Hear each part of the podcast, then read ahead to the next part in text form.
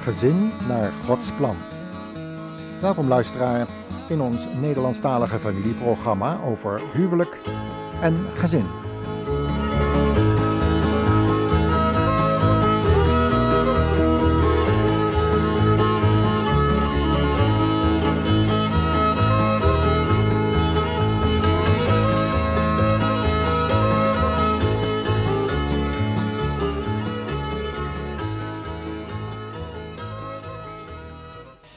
Heeft u in uw leven wel eens een kind aan het graf moeten toevertrouwen?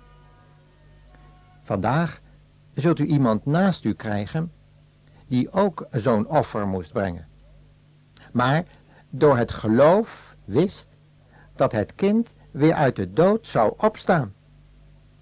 U begrijpt het al. We zijn in onze serie uitzendingen over huwelijk en gezin bij het gezin van Abraham terechtgekomen. Eeuwenlang is er gestreden om de vraag wie Abraham nu eigenlijk heeft moeten offeren. Isaac of Ismaël? We willen graag de Bijbel zelf het antwoord laten geven. Anders verzanden ook wij in eindeloze discussies en vruchteloze onderzoekingen. Maar laten we eerst eens zien hoe Abraham een tentbewoner werd. Abraham woonde evenals de meeste mensen van zijn tijd, in een stad. Het was daar dikwijls veiliger dan op het platteland. De muren rondom zo'n stad beschermden tegen rondtrekkende struikrovers en moordenaars. Het schijnt dat alleen de familie van Abraham nog iets wist van een schepper, God, hoewel zij daarnaast de afgoden van die tijd dienden. Plotseling roept God deze man van achter zijn afgoden weg met de woorden, verlaat uw land en uw familie en ga naar het land wat ik u zal wijzen. Als u dat doet, zal ik u de vader van een groot volk maken. Ik zal u zegenen en uw naam overal beroemd maken. Luisteraar, misschien roept God ook u op dit moment om te breken met een zondige gewoonte, die tussen de Heere God en u instaat. Sta dan op en doe als Abraham.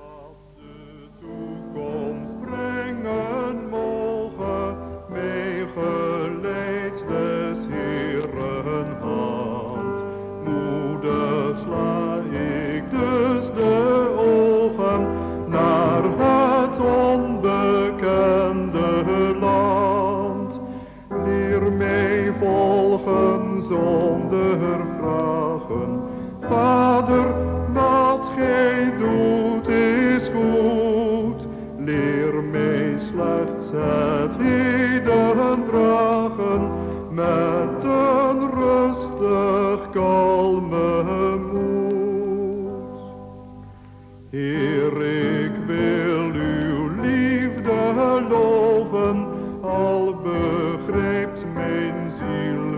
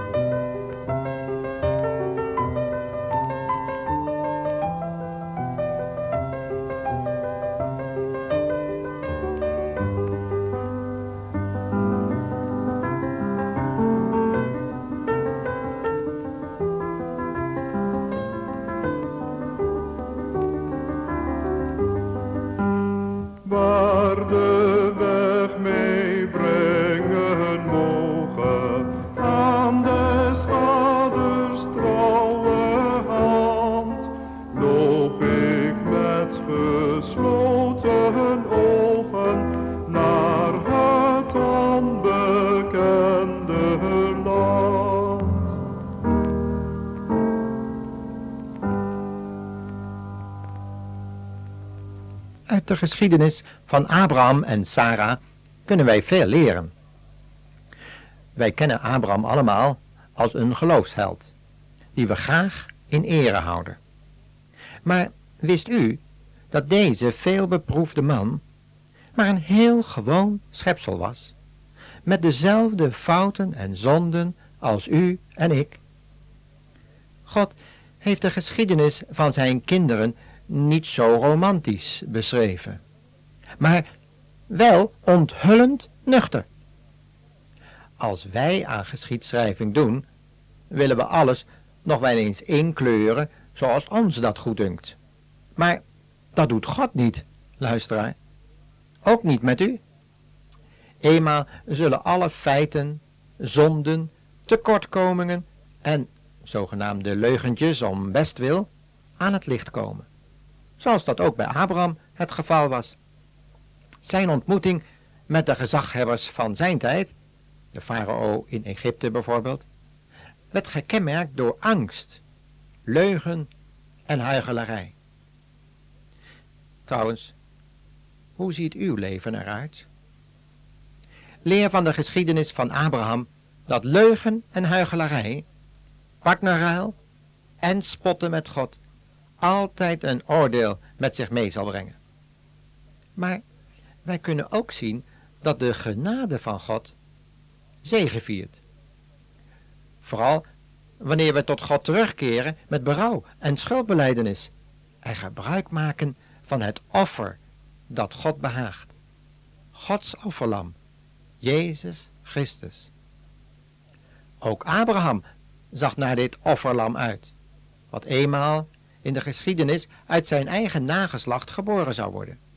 Maar voor hij die les van de totale overgave geleerd had, moest hij eerst zijn eigen leven, wat hij zo lief had, op het altaar leggen.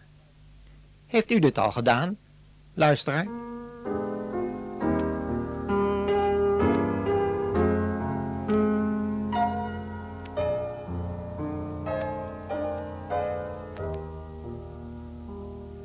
Zoals ik ben, ik pleit anders niet dan dat uw bloed mij redding biedt en dat u zelf mij nu ontbiedt. O lam van God, ik kom. O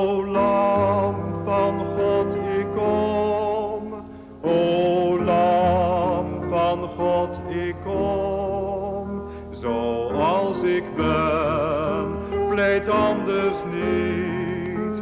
O lam van God, ik kom.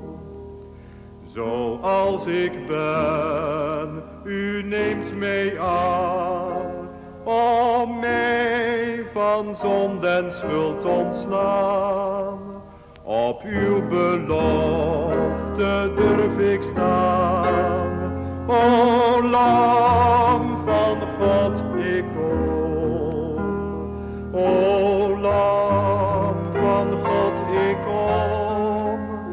O lam van God, ik kom. Zoals ik ben, ik pleit anders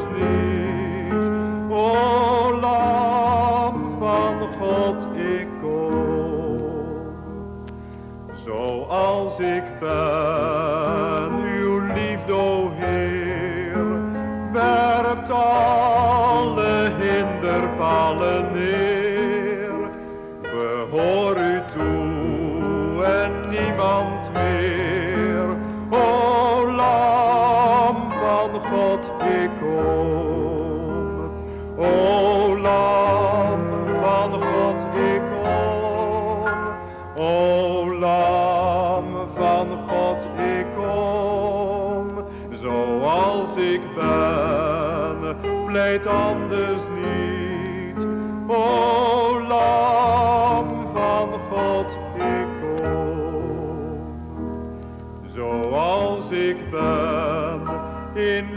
and straight.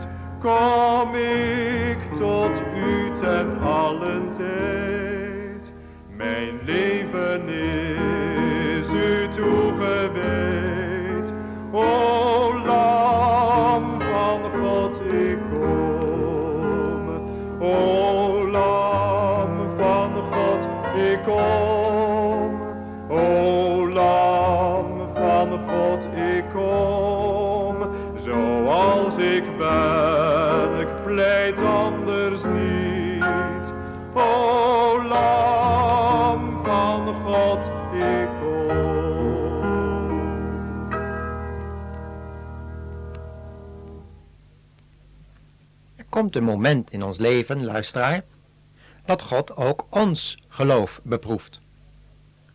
Of ons geloof nu gericht is op aardse dingen, op onze prestaties of intellect, of onze toekomstplannen, eenmaal komt de toets van al onze geloofsinspanningen.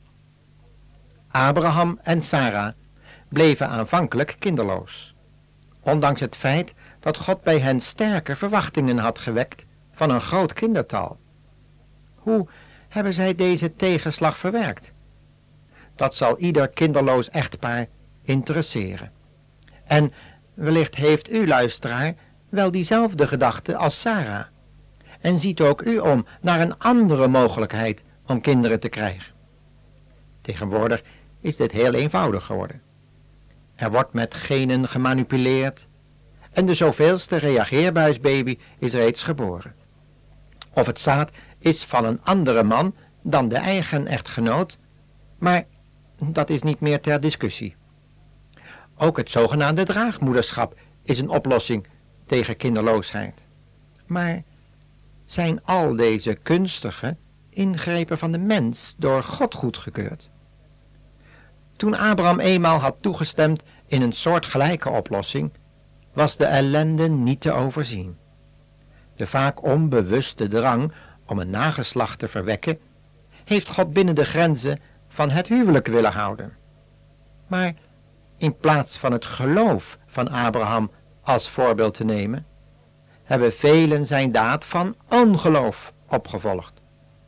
Evenals Abraham en Sarah hebben ervaren, geeft dit alleen maar verdriet, ruzie, jaloezie. God heeft andere plannen met u en mij, luisteraar. Hij wil uw geloof op de Heer Jezus richten, zodat u, evenals Abraham, een hemels vaderland en een hemelse stad zult zoeken. Abraham heeft deze gevonden. U ook, luisteraar?